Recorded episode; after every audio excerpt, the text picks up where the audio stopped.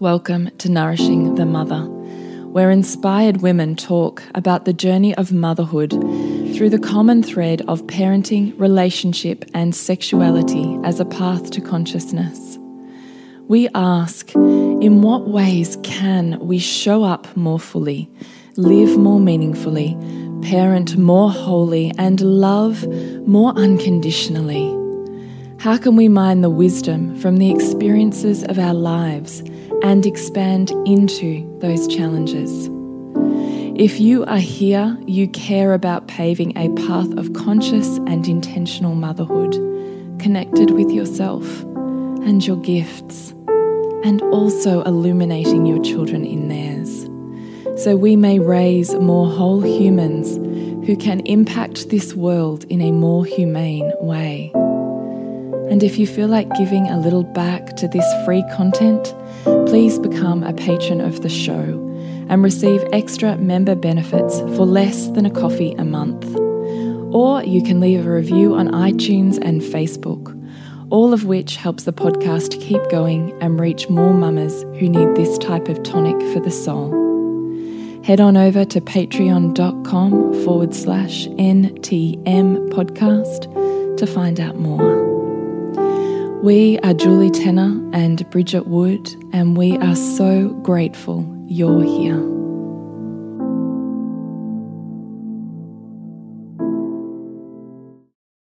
Hello, and welcome to Nourishing the Mother. I'm Bridget Wood. And I'm Julie Tenner. And today we are joined by the gorgeous Meg Berryman. Would you like to say hello, Meg? Hello. So happy to be here.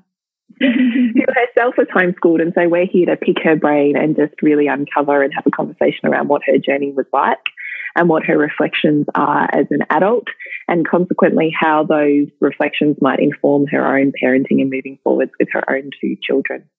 So before we dive into that, I'd love to remind you to connect with us in email format on nourishingthemother.com.au. So scroll on down to the red banner, drop in your email address and join our tribe and we will shoot you off emails at this point in time, it's, you know, around once every three weeks or so.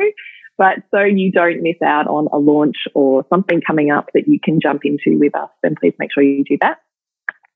We would also love to say a huge thank you to our podcast sponsor at the moment, which is spacemakerwardrobe.com.au. And they have just the most phenomenal online ordering system that all comes flat packed a DIY setup and they do wardrobe doors and wardrobe inserts. that really does modify the home and create space you didn't even know you had. And they have a 10% really, yeah. They really have, I'm laughing because like they really have revolutionized your children's bedrooms and your world. They really have. They, no, they really, it's actually quite extraordinary because as you know, we're in an old 1960s home. And I, one of my friends had said to me, yeah, I remember years ago going, the second I move into a house, the wardrobe's the first thing I do. And I was like, oh yeah, I'll just go to, you know, IKEA and buy these inserts. And I've done it. Now I'm like, holy shit, she was right. like it just, it automatically makes your home feel like a completely modern, organized, beautiful space. And I know it's just a, like, innovative comment, just a wardrobe, but it's actually quite—it's been quite an extraordinary thing for me to go, that's amazing. You know, like really, it's a small investment given the fact of the enormity of what I feel like it changes in a bedroom. Mm-hmm. And the mirrored front doors, my kids freaking love them. and they make it feel so big too. Like the mirrored doors make yeah. it feel really big. So please go and check them out. And right now you can get the 10% Nourish the Mother code. So all of those details are in the show notes. So please scroll on down and check them out. Obviously, in Corona, now's the time for you to really dig into those cupboards you otherwise wouldn't sort out. And you can put it all together online and have it delivered to your door. So please go check them out. spacemakerwardrobes.com.au. So, so we have Meg here because there was a flurry of conversation on a recent post that Julie did around, you know, do I, don't I, and like this beautiful mm. magical experience of having kids at home and at, at the same time, it's facing for many of us as parents that jarring feeling about the work that's coming home and, and, you know, our kids not feeling lit up by it. And so Meg hopped in with this beautiful comment and insight into the, the fact that you have a story around homeschooling. And we were like, can we have you on the podcast? and here we are. Yeah. So, Meg, do you want to just reshare the comment that you made on my post or what spoke to you around that? Yeah, of course. Um, so, I think I, I loved your post, Julie, because it was so nuanced and it was so. Um, it, wasn't even binary. It wasn't even like one side or the other side. It was like there's all the all the messy mm. middle. You know, it was like all the stuff in the middle around but my mental health, but also, but then the system's fucked, and then excuse my language, and then you know, like it was, it was so. you don't need that on Such a relief, away, my friend. Such a relief because I tried to be the, I tried to not swear for a couple of weeks, and it was just like this is a disaster. This isn't a at all. Um, I have no expression without that, without those words. Um, yeah, and and I and that really spoke to something inside me that has both rejected my homeschooling roots and also now as um, a woman with two young kids is now finding myself you know in the spitting image of my mother. And so I it just spoke to those parts of me and, and then everything in between that it is just it is a very individual decision there are whichever way you look at it depending on what perspective you're going to be looking for evidence from you can you can find all the things but i think what mm. you spoke to and what it, it really lit up in me is this conversation around well what if there is no right way and there is no perfect way and there is no um, absolutes here but what if there was a conversation um, around around the intricacies and the nuances and the grey areas and a conversation based on lived experiences, which, just like you guys have done for me, light up something in others and offer a lens to look at all the parts of us that maybe we don't have a reference point to bring out or or look at or understand. And so I just yeah, I just felt really compelled to respond. we are just talking about our human design, and yeah, I just responded and um, and then I heard other people being like, "Oh, I want to know more about that." So that was yeah, it was wonderful segue into this conversation. I love so much mm. about everything you just said. Mm. I was just thinking in my head, I'm replaying that once I, you know, download this. I'm so fascinated. No, sorry, I, I was going to say, like, in terms of like the, the, there is no black and white. Like, there is no right or wrong here. And that if you go seeking an opinion or if you go seeking for a certain outcome, you'll find that. And so mm. I love, like, I would love that for us all to hold that as a truth, essentially, because whatever path we go looking for, we're going to have that reaffirmed, particularly by the people who are on it and who are in it. Yeah. Um, and so, yeah, I think that there's there's there's value in in reaffirming that as we go through this conversation. Mm. And so I want to know, can you just share, were you homeschooled from the beginning through to year 12, or what did your journey actually look like? Number mm-hmm. one. Mm-hmm. Number two, what were your mum's motivations or choices? What mm. informed that decision? So I was homeschooled. I was the third ch- child, um, and I was homeschooled from preschool. I guess I, I went to kindergarten for a year, so it must have been when I was four. But then I was homeschooled from five till twelve so from primary school. And then after primary school, I went to a private girls' school. and so it was um, on a scholarship. So it was quite the, I, I had the, the, I mean, as we commonly think of it, the complete opposite experiences. Um, and my mum's motivation so both my mum and dad had worked in the department, they'd both trained as teachers. Um, my mum went to teachers college when she was 17. She was the first um, member of her family to go to college. And so within our lineage, um, there's been a strong, on, on her side, there was a strong uh, onus on, not onus, a, a focus on education, on education being something that was really important. And there was also a very strong activist streak in our in our lineage as well, which obviously I draw on now in my work and my life. But um, those two things, it was like uh, what my um, what my grandfather used to say to my mother was, you know, because they they'd kind of were farmers and and there was always a class system very defined back then. and he would always say, you know, you, you, need to understand the system to question it. You need to understand the system to um, to infiltrate it and to fix it or to change it or to challenge it. It was probably mm. the language that he would have used, Poppy George. And so she, I think she, I mean, in back then, teachers college was probably there was there was not a huge number of pathways so teachers college that, but she did have an intrinsic kind of in inbuilt part of her which was responsive to education as a paradigm of change. I think is what what I'm getting at. And so I think that informed her decision. I think um, she, my brother, so the eldest, that was put into a community school, um, which um, they didn't love. They didn't have a great experience with that. Um, Can I just ask community school in the format of like a co op where parents are, uh, hire a teacher involved in teaching themselves, or did yeah, it look exactly. different? Yeah, yeah, it was. It was a co op. Uh, so I don't think they had it. They, they, based on their experience in the department, based on their experience, based on their liberal values, um, they didn't feel like that was a good fit for him.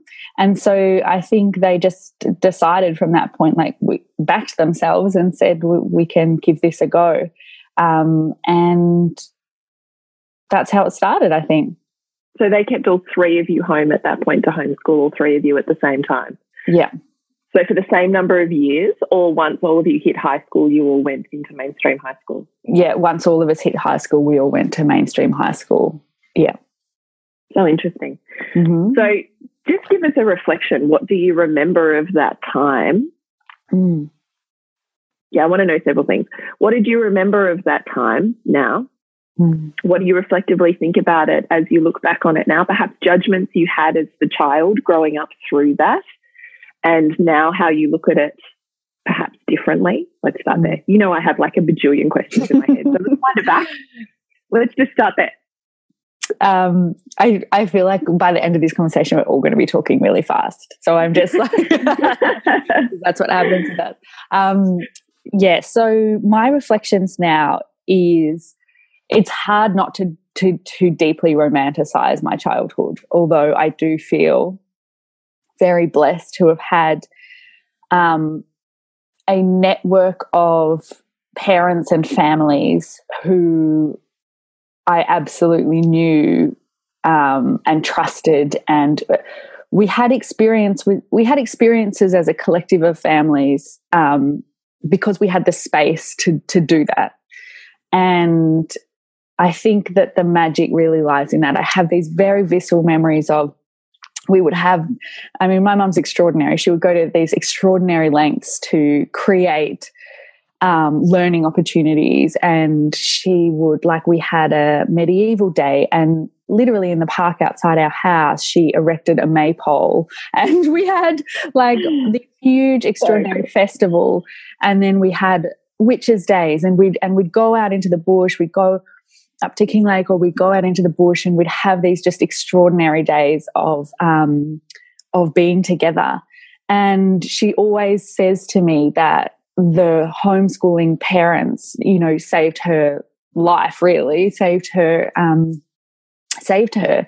They were this network of of, of parents, and they were predominantly mothers um, who would if if a child fell over, the other mother would be there. If if a child needed, um, you know, some some words or boundaries, there would be a mother there, and there was no hierarchy, and there was no um,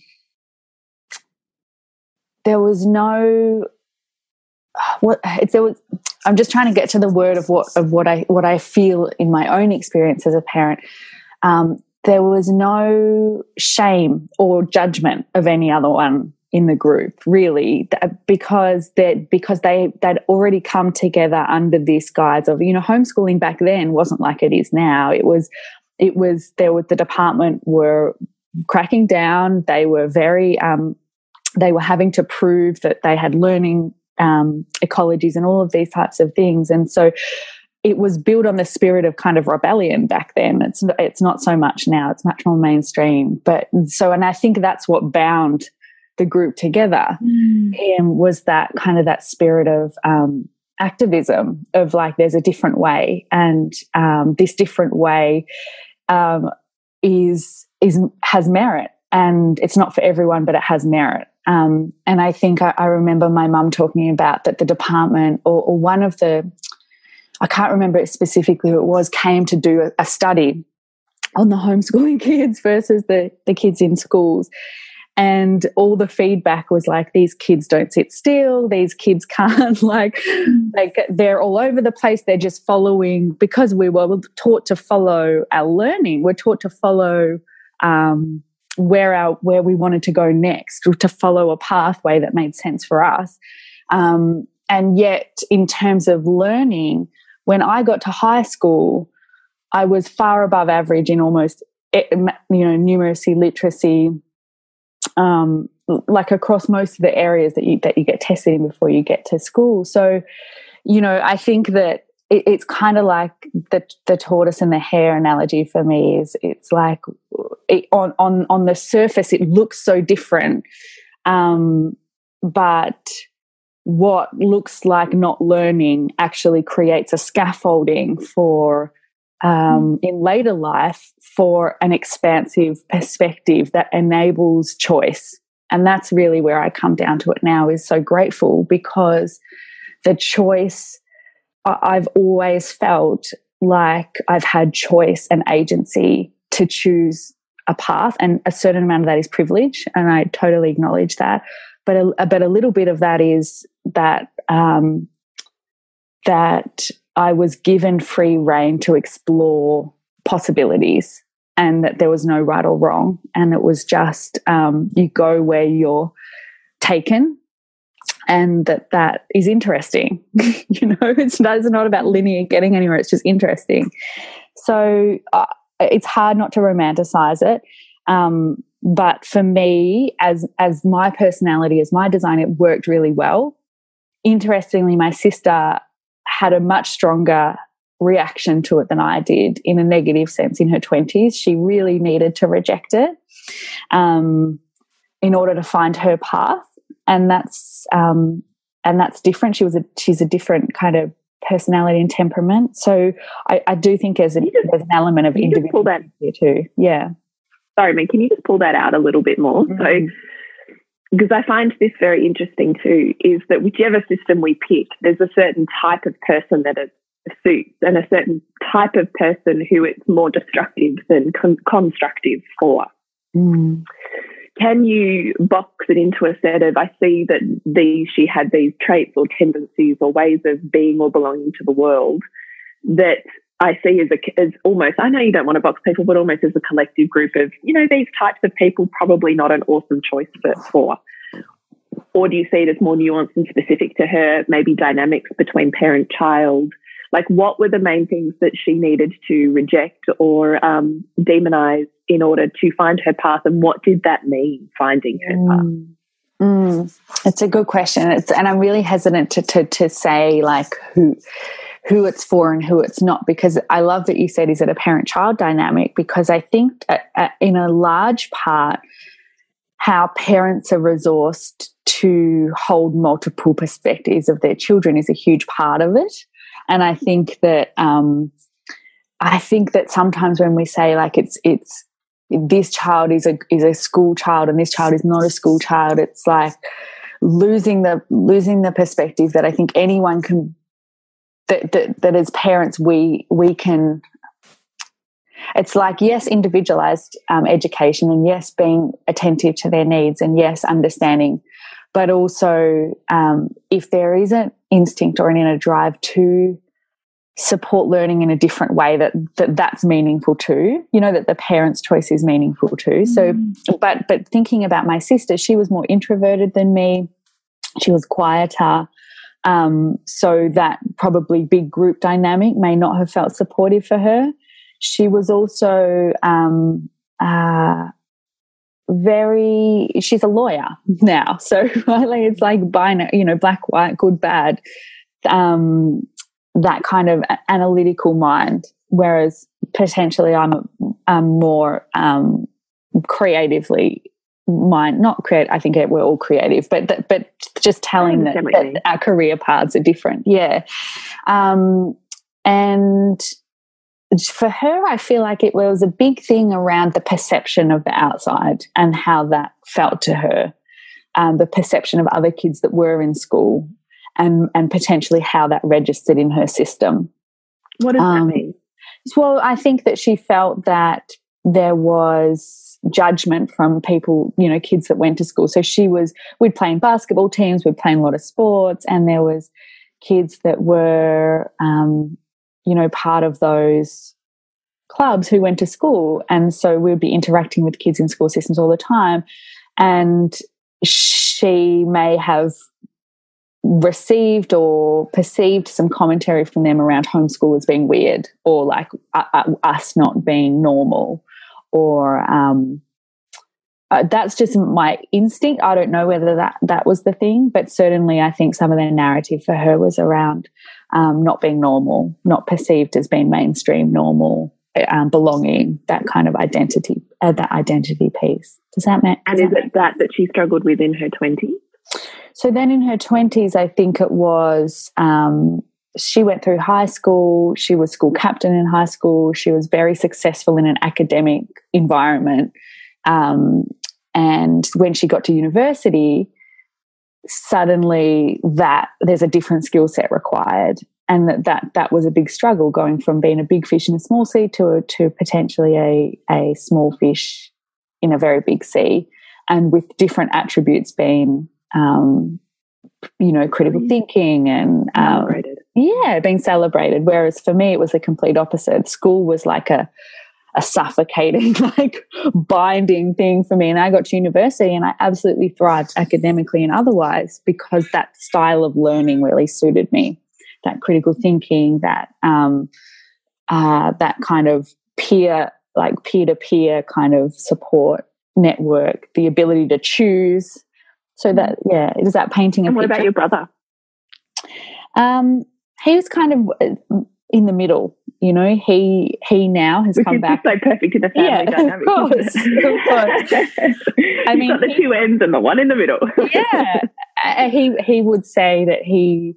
I mean, we all say that we didn't know any different, and this is what people would always ask us that cracked us up, and still do. Is like, um, when but when we were young, we didn't know any different. So asking us a young child like do you find this really strange or weird or like do you wish you were in school? We like we didn't know. We didn't know any different. It was our life. It was a great life. It was just our experience. Um, so he he i think when he went to school he went to to to a private boys school and i think he really struggled. He's he's sensitive he's highly sensitive he's very emo- emotional and he's um, been raised in a family of women essentially. And so that being that part of that boys club and that kind of toxic masculinity that's portrayed in some of those schooling systems i think he found quite confronting um, so he went to university as well but we, we've all you know had journeys in our 20s as we do but he i think where he would land now is he's pretty non non-judgmental about it. He's just like, that's what it was. And um, that was our experience. So, yeah. Mm. So tell me about what it was like for you making the jump from home to high school. And I'm also interested, was it ever a conversation with your parents that was there ever an awareness that holy shit, this isn't working for my child? Like for instance, your brother. Mm. Was there a moment where your parents might have gone, this is like I see it, where is my child? Like this is a completely different child to the one that I've had in home with me learning to what I see happening here. Was there ever an opening for homeschooling through high school? Mm. I think there was certainly conversations about changing schools, and I did change schools um, in year 11. So I don't remember. By that stage, my mum had a business and um, there was there was finan- an, an, enormous amount of financial stress. You know, three kids, even on scholarships. We were all, we were all on music scholarships because we were all musical, very musical kids because um, they'd invested in that when we were young. and yeah, so I think the financial stress and then the business, and then so there wasn't really an option to go back to homeschooling after that. Mm. Um, but certainly there was conversations about, um, you know, me me being the canary in the coal mine and just picking up every nuance of this, of, of, of, like this is this is not working. This is um, uh, they were, I think, deeply confronted by the by the peer element of of mainstream schooling mm-hmm. and the intense peer pressure and what that can create in an internal system in a, in a child. And um, I think that, that that they've both said that they didn't expect that, that they did they weren't prepared for um, just the level of you know the adolescent brain being tuned into that, mm. but for very good reasons. But but for the impact of that on, I guess our relationship with them, our relationship with each other, um, and and they probably saw that you know in certain cases it was harmful to us and it, and it just as it is that rite of passage is really painful for any teenager and parent watching i imagine so yeah i think um, there was there was never a conversation about going back to homeschooling but definitely there was conversation about the the limits of that system but as they always said to us, and they do now, they they they're very open about it. They say we don't know if it was the right thing. You know, we were just doing the, the next right thing. To to quote Frozen two, they were just genuinely trying to do the next right thing. And they'd both gone from very blue collar upbringings to Melbourne University to do postgraduate studies. And that, and I remember my mum saying, she still says it now, the moment when here's this kid that's grown up six hours out of Melbourne in the Mallee, ridden horses all day, and here she is in Melbourne University and suddenly seeing what money can buy and the privilege that that can buy and the status. And her both of them having that experience of like i don't want to feel i don't want my children to feel excluded and that was the decision about why we went to private schools even though financially it was so tough on them because they wanted us to reject the system from having experienced it rather than um, rather than never having had the opportunity to have a foot in the door. And I just respect them so much for that, right? That we had both sides of this, yeah, both sides of this of this experience so that we could discern for ourselves um, what we wish to reject, but from a place of having experienced it rather than being excluded from it, which is, yeah, is profound. So profound. Mm-hmm. so, so your, so your parents are actually quite clear when they knew that you're going to private schools that you would experience, you know, being surrounded by privilege, and that they knew that that experience of immersion in that would give you a worldview of seeing how that impacted society. Mm. Well, I think subconsciously, and, yeah, yeah. I mean, I think they came, they came from a mm. place of trying to protect us from the wounds, right? That they'd had. This is the toolkit that you both have taught me. Is you know mm. that, that their voids really did become their values, and they wanted us to not be excluded. Um, but now, as you say it like that, Bridget, it's, it's really profound to think that also they were setting us up to um, challenge it, which mm. I really like that framing as well. Mm, that's what I got from what you're saying, but but but it, it's it's twofold. Probably that's probably part of them that you know didn't want to experience that pain that they felt sitting in that place and, re- and reflecting on their you know lack of you know education in inverted commas and and what that had meant for them, and they didn't want you to have that. But at the same time, also seeing the genius of giving you that that really intense experience of seeing the reality of this and whether you want to take that into your life, whether you want that to dictate, you know, mm. your life going forward, right? Because so what was your yeah? That, sorry, Bridge. No, this is where Zoom gets tricky, isn't it? No, you go. well, no, I, I mean, I was really just going to go off on a tangent, but it was, but it's essentially that point that for so many people, private school is about you're buying your child's social network. Mm. And in buying a social network, you're buying the jobs that they're offered, the places that you know that they get to go on holidays. You know, like it's it's not just the schooling in that yeah. in that year or in that you know it's in that institution. It's it's a lifestyle. It's a it's a pl- place on the ladder, I suppose. Mm-hmm.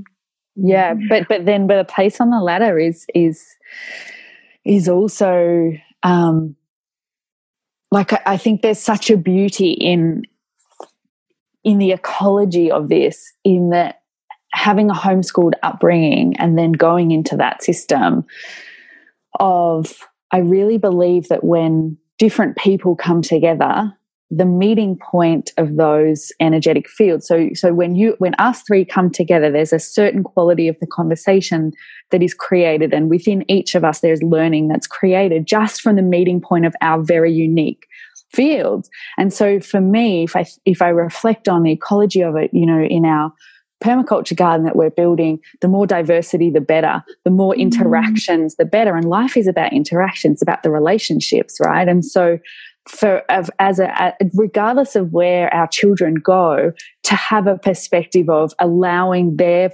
path and their aura and their field to meet and have interactions with a whole diverse range of other fields is profound. Like i just can't think of a different way to build a more inclusive a better way to build a more inclusive world but but also to give them a richness of understanding that when you rub up against anything, a system, a person, or whatever, that the learning that will come for you is quite individual and that that's like that's beautiful and i and i think for me that's what has provided the scaffolding of being able to relate you know similar to a mm. steiner kind of education of the re- the really strong focus on relationships because when there's 20 of you out in a field and you're the little one and but there's the kind of this hierarchy in kids like you have to learn how to sort it out on your own without the adults and that's that's amazing. What an amazing skill set to have.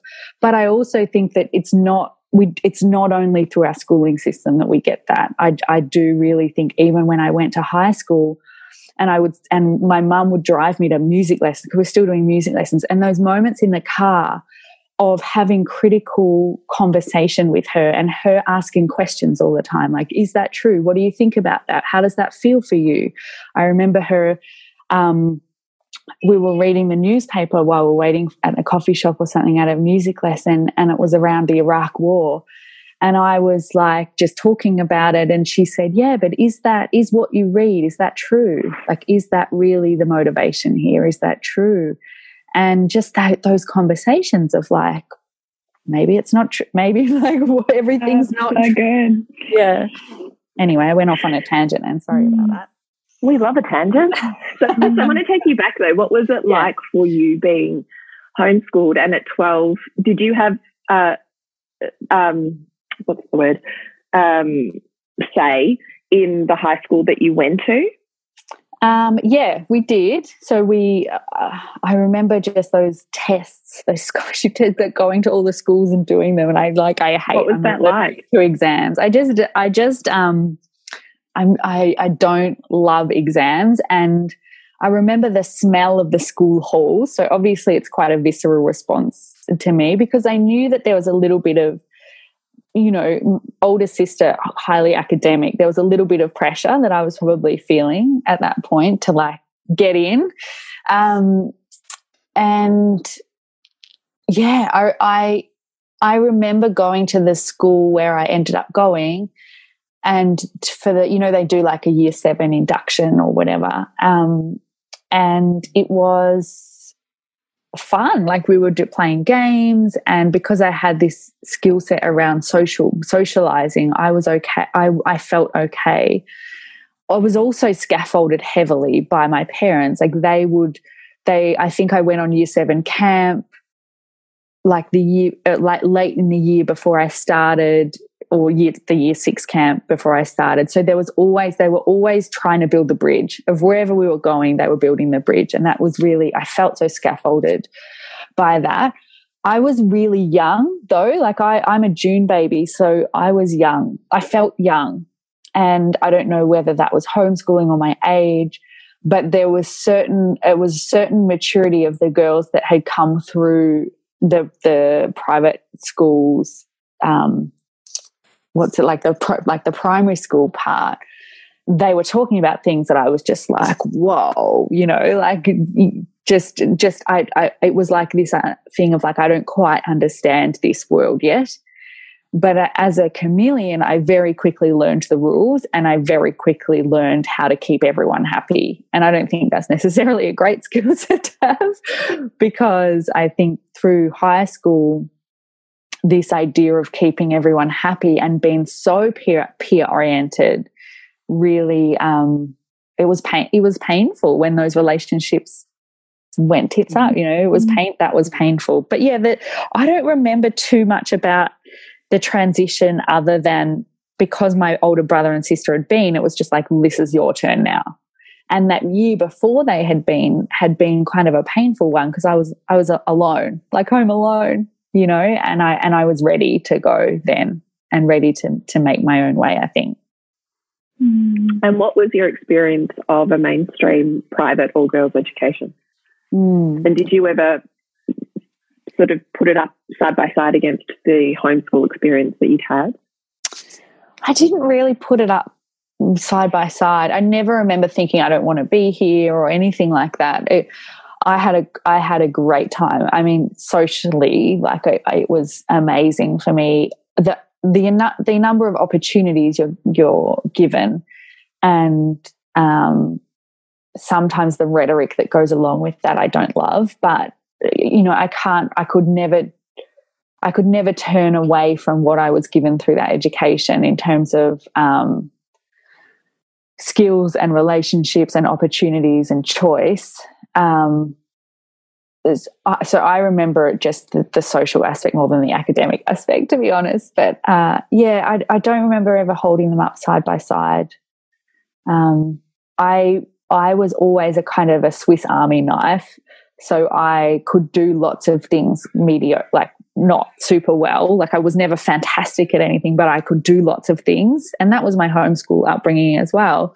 And so the plethora of choice was was amazing, you know, that I could play in all those different parts of myself as as an athlete and as a creative and as a um, leader and as you know so i think i think the skills and the the networks and the um, the, the opportunities and the choice. Yeah, that that's probably what I gained the most from that mm. experience. But you never felt behind the eight ball academically, literacy, numeracy, I don't know, whatever the things are. No, in fact, like I said, when I started, I was I was well ahead in those fields literacy, yeah, numeracy. Yeah. Were there times in your homeschooling, like how was your homeschooling journey structured by your parents? Mm. Obviously, they're educators, so I imagine that changes it versus was it homeschooled where you did have to do uh, writing or learning maths in a way that you wouldn't intrinsically have chosen, or was it more of a literal free range unschooling journey? Yeah. What did yeah, it was like? no, it was definitely homeschooling. So we definitely had, and remember they were doing it without the internet too. so there was they were just yeah. um, they English like English and maths were really really important for them, and so it was a mix. I, I would say like a three or four days of the week. It was like we had a certain amount of stuff to do in the day. We had textbooks, and then we'd have our music lesson classes, not classes, practice. We'd have to do music practice every day. And that was our day. And then we'd play in the afternoon. Um, or when it, it, was just like we had to get through these certain things.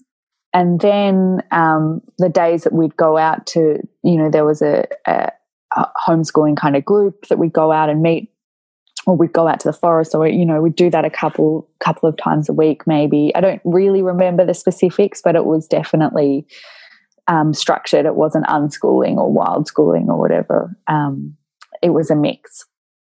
And how many hours a day would you be in inverted commas in class? Probably about three hours, including our music practice. Yeah. yeah okay.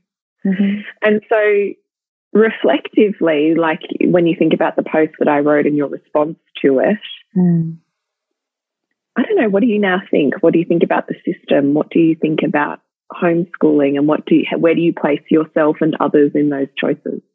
Yeah, well, I can only reflect on what I'm feeling at the moment, and and I feel that with my girls, that they I would love a I would love us to find a creative third solution that hasn't yet been found. that is my hmm. absolute that is my absolute dream and I also am feeling at this particular time in our lives that everything that's going on in the world is really an invitation to find creative solutions we haven't yet found. So my husband and I are now having this conversation of like how glorious it is, how much a a better mother I am having another pair of hands around, and what is the invitation here for workplaces and co-parenting, not co-parenting, parenting, and you know what's the, what are the invitations here and the creative solutions. So there's a school where I live in Central Victoria that does um, mix. So the principal there is like, come three days a week, come two days a week, whatever. And that to me, something like that feels really supportive mm. in that I love the idea, like my parents gave me, of seeing the seeing the system and understanding the system and also just having whatever choice and opportunity there is and the wisdom in that system to be honored and carried forward in some way. But I also feel like seeing my kids, even when they go to daycare and come home, um, seeing the difference when they're at home full time versus when they're at daycare. And there's not an ounce of judgment I have about myself about sending my kids to daycare because we work from home and it's just got to be done. But it's it's just interesting. I just see it as interesting the difference and weighing up all those things. And I think that there's there's truly no right or wrong way. It's a very individual thing. Um, but what I would love is if we could acknowledge the parts of us that feel uncomfortable with the system, number one.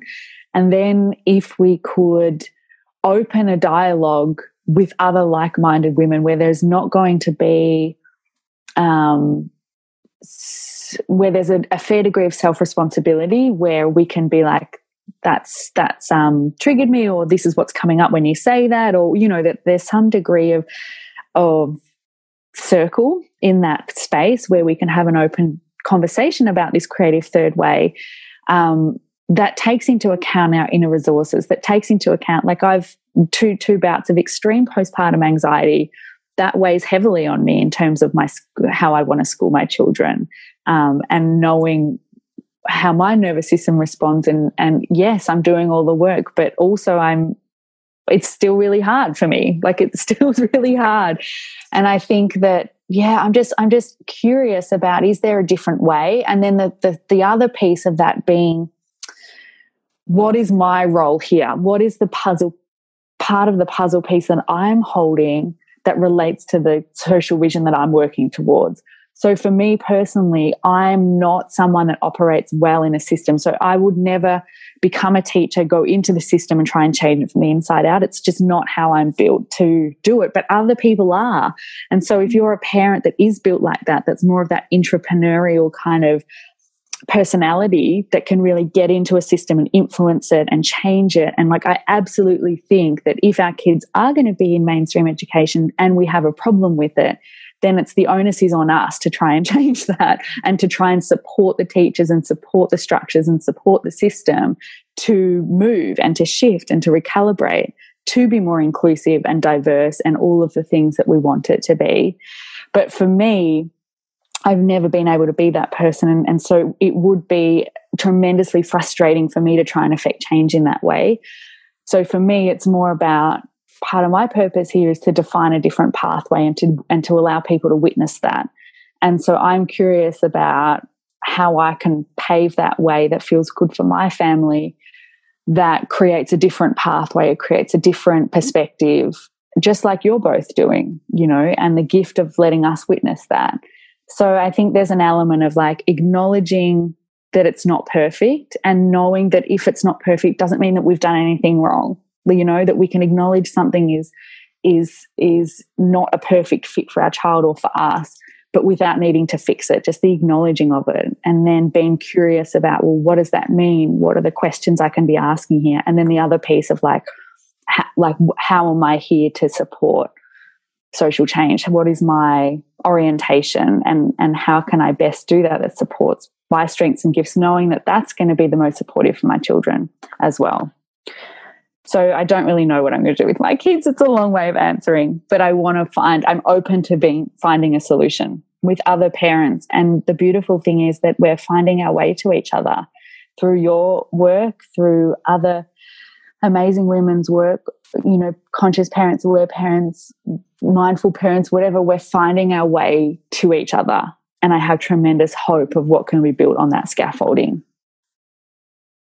I'm pretty sure you're like five bajillion years old. I could just listen to you go. I feel five bajillion years old. I've, I've lost so many years of sleep, that I feel five bajillion years old. I worked out like how long I've been breastfeeding for, and it was like four years. Like four, it'll be four years when Nell turns two, and I'm just like four years. Mm.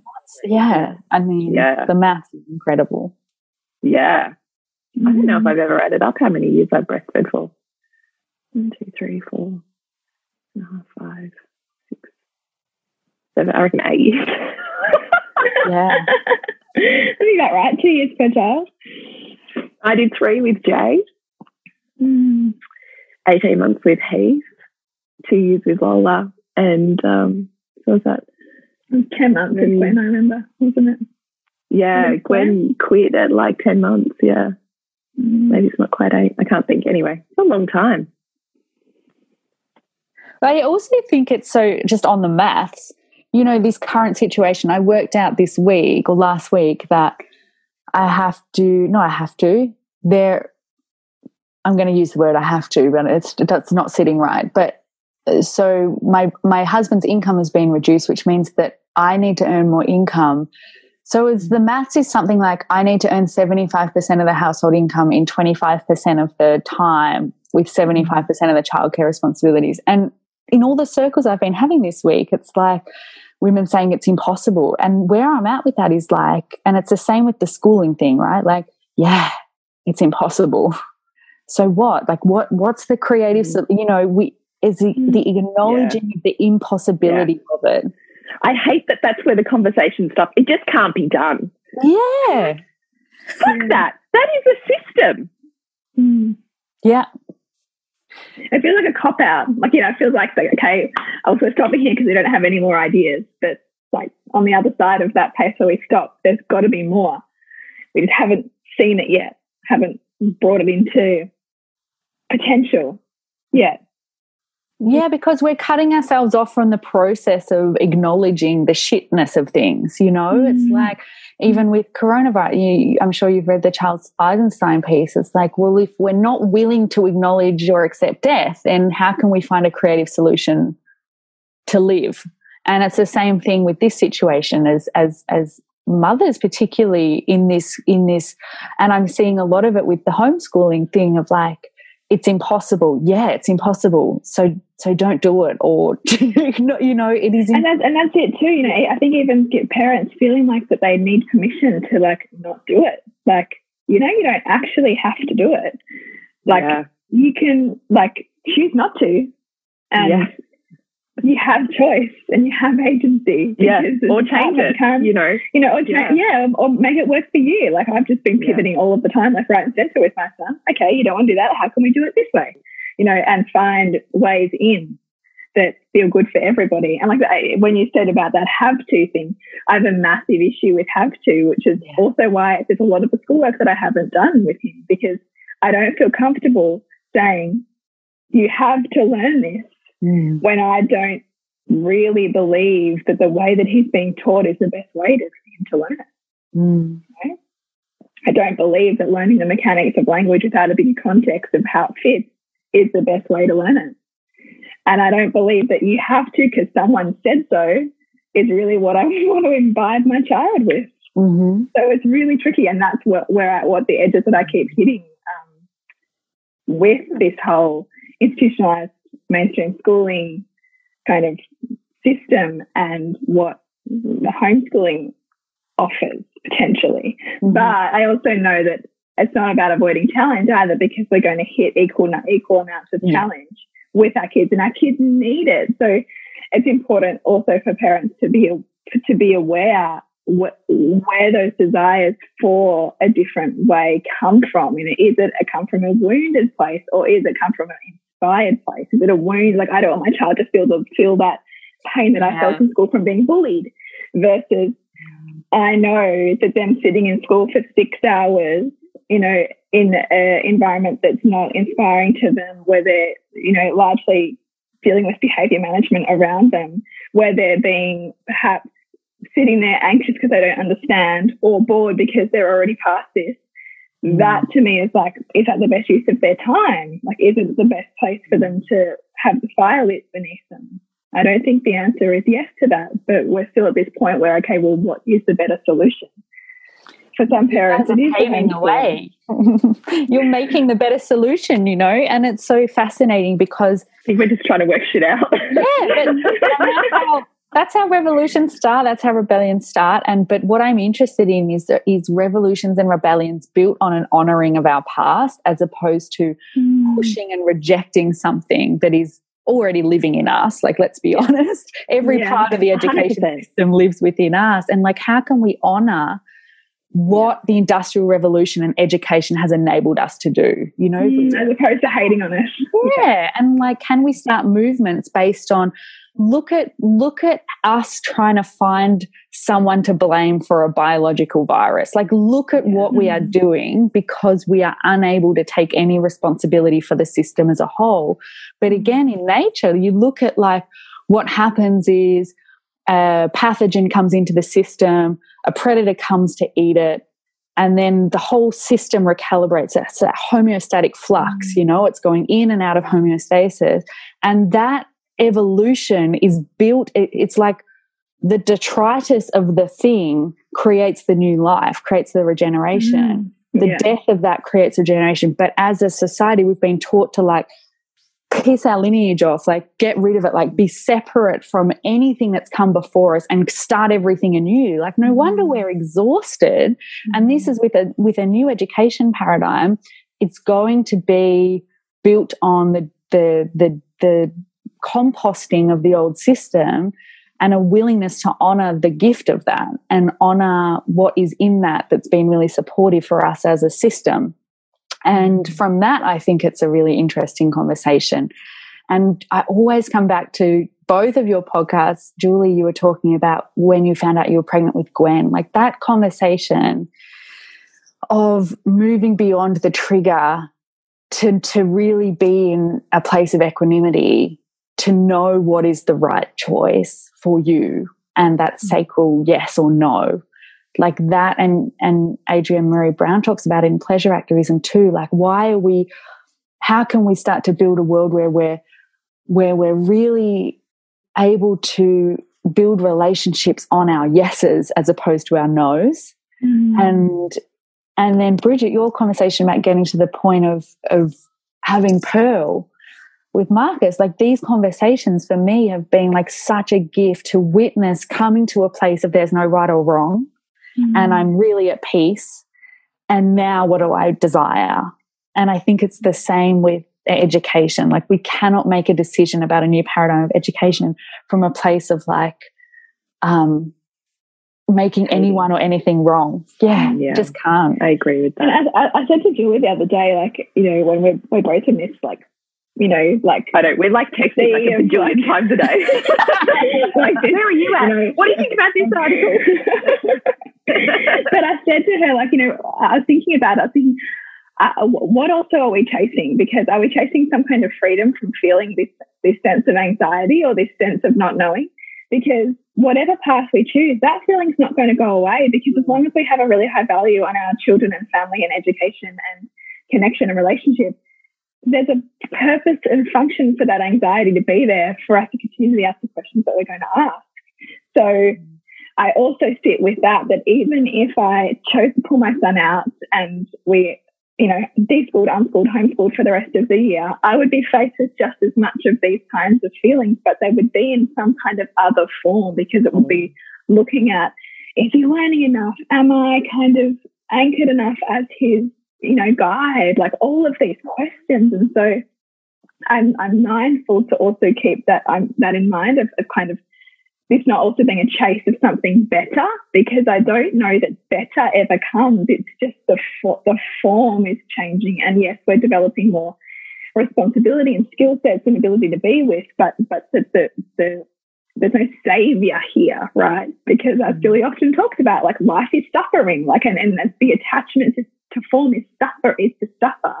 And so I keep that in the back of my mind too and and and don't want to be under any illusion that I don't know that that this is going to be that you, make the choice and you'll be peaceful. Well, yeah, you know, yeah. that I'd be peaceful. I mean, but I do certainly believe, and I've seen it with, you know, Montessori and how much he thrived and the children thrived in that environment. I see the potential for education to be incredible, but the system and the department and the, the cogs of the machine that is the system we have now is so incredibly slow moving and so incredibly addicted on the whole to mediocrity in my perception that it feels like as you're talking about Meg about whether or not you want to be the person who goes inside and changes it all, like I just felt absolutely exhausted. Like the number of meetings that I had with different principals trying to get different schools to pick up this stream and just mm. the the I think myopic view for so many of them that they were also downtrodden by it too or they had all these different parents with different values as well, you know, because they've got parents who want to send their kids to Kumon after school and they want them to like drill and, you know, yeah. like drill and kill kind of philosophy. Totally true. So their systems also uh, works really well for some people and for their values. So it comes back to who was right and who was wrong. You know, well, and I just, I love that conversation as well because this is the conversation I was having. Oh, I can't remember who I was having with. Maybe it was Nick, but I think I was saying pretty much what you were saying, Meg. Around, I'm a naturopath, so when someone comes to see me, they don't come to see me and then go, "But I don't want the style of naturopathy that you're doing. I want the style of naturopathy that so and so down the road is doing." Well, you don't come to me if you want that version of naturopathy. You come to me for this version of naturopathy. And that's how I see the system. I'm not entering the system going, well, now I need you to be my way. I'm entering the system going, that's who you are. Do I want that? Or am mm. I choosing a different practitioner for what I want and desire? Because you can't walk into a system that is so huge mm. and so like, I have so many friends that are teachers. The amount of paperwork and litigation and hierarchy that they are, you know, sure. beholden to and responsible to and have to answer to is fucking enormous. Like they have to they have to be accountable for every five minute block of their day. It has to be documented. Like it's fucking enormous. And I look at these teachers who genuinely love to teach. These women love teaching. They love children. They love learning. So I'm not demonizing who is in the system, but I'm looking at the system going, do I choose you? Mm. And the truth is, if I don't like you, I can't manipulate you to be more like me and be in a constant fight or flight battle because I just don't need that level of drama when mm. I could hmm. just choose yeah. to take that level of fight and drama and, you know, I don't know, you know, that, that flip flop of emotion that you do when, you know, your child's in pain and then you're fighting the system and then you're back in your child's pain and then you're fighting the God, system. So I'm like, fuck, I do not have, like, like having some sort of dramatic love affair. I just, I'm not interested. So who, who is the lover that I'm choosing or who is the practitioner that I'm choosing? If it's not you, then who am I choosing? You know, like I just keep thinking that. I love that. I love that. Something that like that, like that lens of relationship with the system. Like you're putting a lens of how much can I love into these parts that I don't like, and at what point do I not want to engage anymore? You know, I'm not trying yeah. to make you be like me. I see that you are you, and you yeah. can be you. But yeah. I'm over here being me, and I have to decide how much of me I want to morph to be with you. Yeah, you know what I'm just thinking, just listening to you both? It's like, it's like there's no, if I, I think if we're having these inner calls to, to move away from a system, sometimes being the early adopters is really shit and really painful and we don't what we just want to like put that purpose aside you know we just want to be like put it and it's totally fine to put so purpose down you know like it's it's fine that we because it comes back to the capitalist patriarchal construct of like we have to build it alone and it's just not that way like it's it's about if we can own our sister wounds enough to have these conversations and be like, I don't know the answer. I don't know the right way. I, I don't understand what, but I know that I'm here to play a part in this. And I'm wondering, and I've got this skill set and I'm wondering what you can bring to the table. And I wonder, you know, it is mm-hmm. really, I think, I think if we were to build a system that was built on the patriarchal idea of under resourcing ourselves, we're just going to end up resenting that system just as much. You know, I mm. just, I, I'm wondering, even asking the question, can it be lush and can it be supportive and can it be even more resourcing and can it be amplifying rather than reductionary? That's not even a word. Mm. Um, you know, is it? Okay, yeah. Sometimes I say things. um, can, can it be all these things. It's what I've been asking about with my work, like really tearing down the constructs of business and being like, can it be, can it be absolutely the image of the life that I desire? Does, do I have to play the rules? Does it have to be exhausting? You know, and I'm just mm. curious about that because it's not to say, as you say, Bridge, that we'll ever get to a point where we've eradicated pain or suffering, but being willing to question the idea that as as mothers we need to do this solo or build a whole new system solo like mm. it's about like as julie talks like calling in the fucking resources you know calling them in and if we make that choice and that choice is congruent i really the thing i've learned from my parents is they just backed themselves right? They were fully willing to receive the brunt of our teenageness and our 20s of when we, they knew inevitably that we would reject it. You know they were really mm-hmm. willing to to be that. And i think that what is possible when we make a decision based on the fact that that system is a no and i'm interested to see what another system might look like and call in the resources to do that and just be willing to stick with it for a year or 18 months or two years or enough time for a cycle to pass, you know, mm. then then then we've built something new and that's profound. And i just like i just um without you know putting pressure on you like there's a both of you were born to for this time you know, this is your time. Were we? I'm just going to crawl under my doona now. it's like that sense of foreboding, you know? like, oh God. But there's so many ways that you can express your vision too, right? Like this is what yeah, I teach. Totally. We have a sacred social vision, but there's so many pathways to express that inner growth being the, the first and foremost because there's no separation between the work we do in the inner plane and what we do on the outside. So if, mm. if our only work is to break down the education system and how it lives in us by deconditioning what it taught us, then that's really that's building a new system too. Mm. God, it's totally true. I I need to listen to this again. oh know. My God, I'm replaying this too. so maybe now is a really beautiful time to wrap up because I actually totally adore your summary and also just your invitation, just your call out to women saying, what would it look like to embrace the sisterhood and all of our vulnerabilities and fables and create a system that's adaptive and responsive to and inclusive of all of that so that we essentially move forwards, not in necessarily a pain-free way, but in an in a continuous responsiveness to what's the most authentic version of my life mm. right now. Mm. That where work is life, and you know, life is work and work is life, and that there becomes this fluidity, so less separation of them and us in all paradigms. I mean, that's really quite extraordinary, isn't it? I mean, that's I keep thinking that continuously. The more I break down the barrier, the more work is life, life is work. The mm. more parenting is life, life is parenting.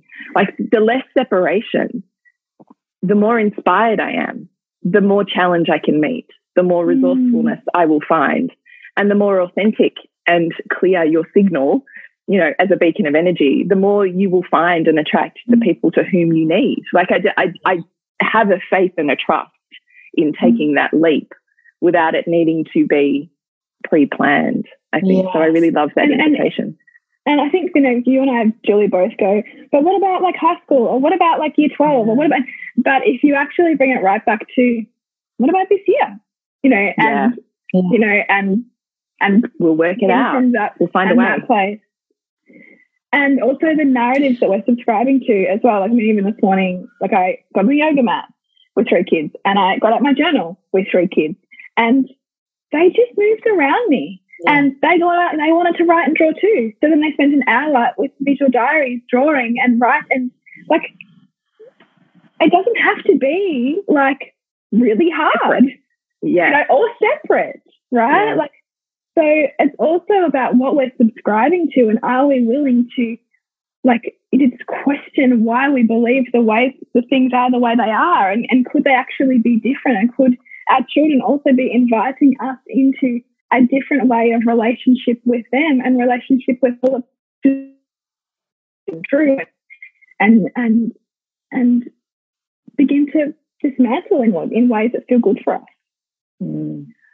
Is there anything, Meg, that you would like to leave our listeners with before we sign up, before we sign up, before we wrap up? And also, we would love for you at the end of that to tell us how we can connect with you and your beautiful wisdom and, and how perhaps other listeners might be able to find and tap into more of you and your energy as well. So, is there anything that feels left unsaid or that you would like to leave with as an invitation? Yeah, thank you. Well, it's kind of just off, off the back of what you were saying. And um, the, the, tearing down of the compartments that the industrial revolution built you know keeping us separate. It, m- my purpose work in the world is to reconnect us to self others and the earth right? And so what is possible when we can build the intimacy with self that we can build the intimacy with others and then that we we in doing so we land in our bodies in a way that we connect with the earth. And and i think that the invitation that i want to leave with is to imagine what happens when you build a garden bed and you build it with really high walls and to maintain that garden bed it needs continual you giving inputs right? Like you actually making the garden do its thing. You need to keep sustaining it and you are the life force of it because it can't live. It's what it's kind of like indoor plants you know i love indoor plants but i love my outdoor plants even more. Um, it's kind of dependent on you to be the life force. Whereas if you break down those walls and you build a garden bed in a way that nature can come and interact with it and that you trust you you do the inputs you build it in a way that feels good and then you allow nature to take its course the outcome of that is even more profound than you ever could have imagined. You know, it, it, it surprises you. There's mystery in it. It can develop in a way that is truly right for the environment, the ecosystem that it belongs in. And I think that what you were saying, Jules, about like we're at this time when the compartments have to be broken down, and what is going to emerge from that is is regenerative and it is um, creative and it is going to be like could we trust that it's even better than we could ever plan? Do you know what i mean? Can we let yeah. things emerge on their own? And um, i just love that. You know i love that i love thinking about that. Mm. I think about that even as you were saying that just then I'm like, yeah, because that's what I that's what I espouse all of the time in relationship is to let go of the idea that you know and can forge and and have the best ideas versus what becomes available and infinitely more beautiful and and of greater service and felt state when you invite and open up the other lover, which is essentially what you're saying when you allow the world to be and as part of that transformation and, and communication that it becomes infinitely more beautiful than I'm a sole unit and I have all of the answers.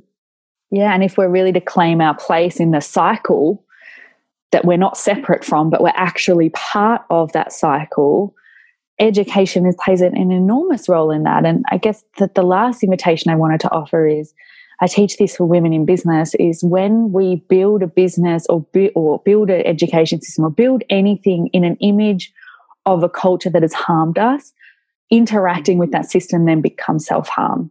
And exactly what you were saying, Jules, of like, am I willing to harm mm. myself by interacting with this system.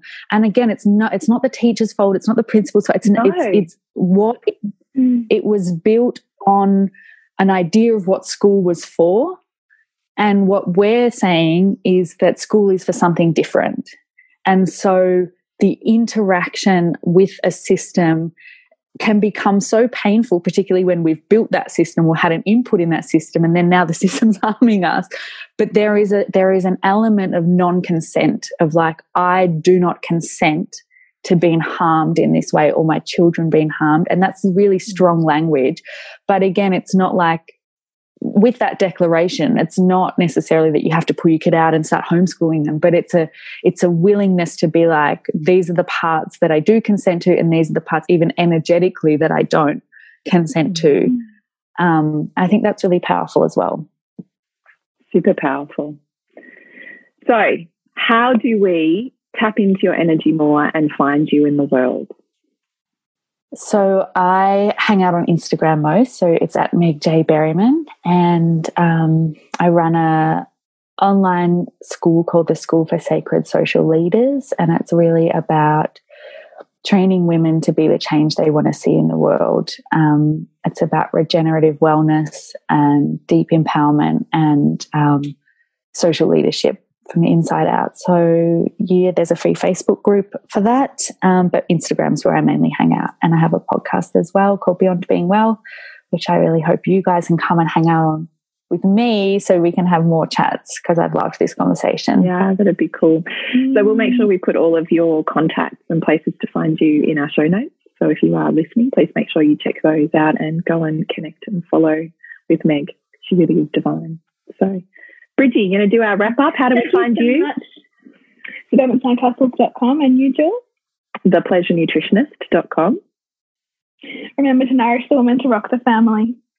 And we'll see you next week when we continue to peel back the layers on your mothering journey. And if you want to support Nourishing the Mother and all the late nights, the early mornings, the blood, sweat, and tears we pour into our art, then please go to patreon.com forward slash NTM podcast and become our patron. As a patron, you're helping all of the cost of operating this podcast, the hosting, the editing, the transcription, helping all of that be completely covered, and joining a community who are all about honouring our journeys and continuing to open. The more support we have, the longer we can last. So become a patron. We'd love to have you. Go to patreon.com forward slash NTM podcast. We literally couldn't do this without you. Thank you so much for listening, and please share this podcast with anyone you think it would be medicine for.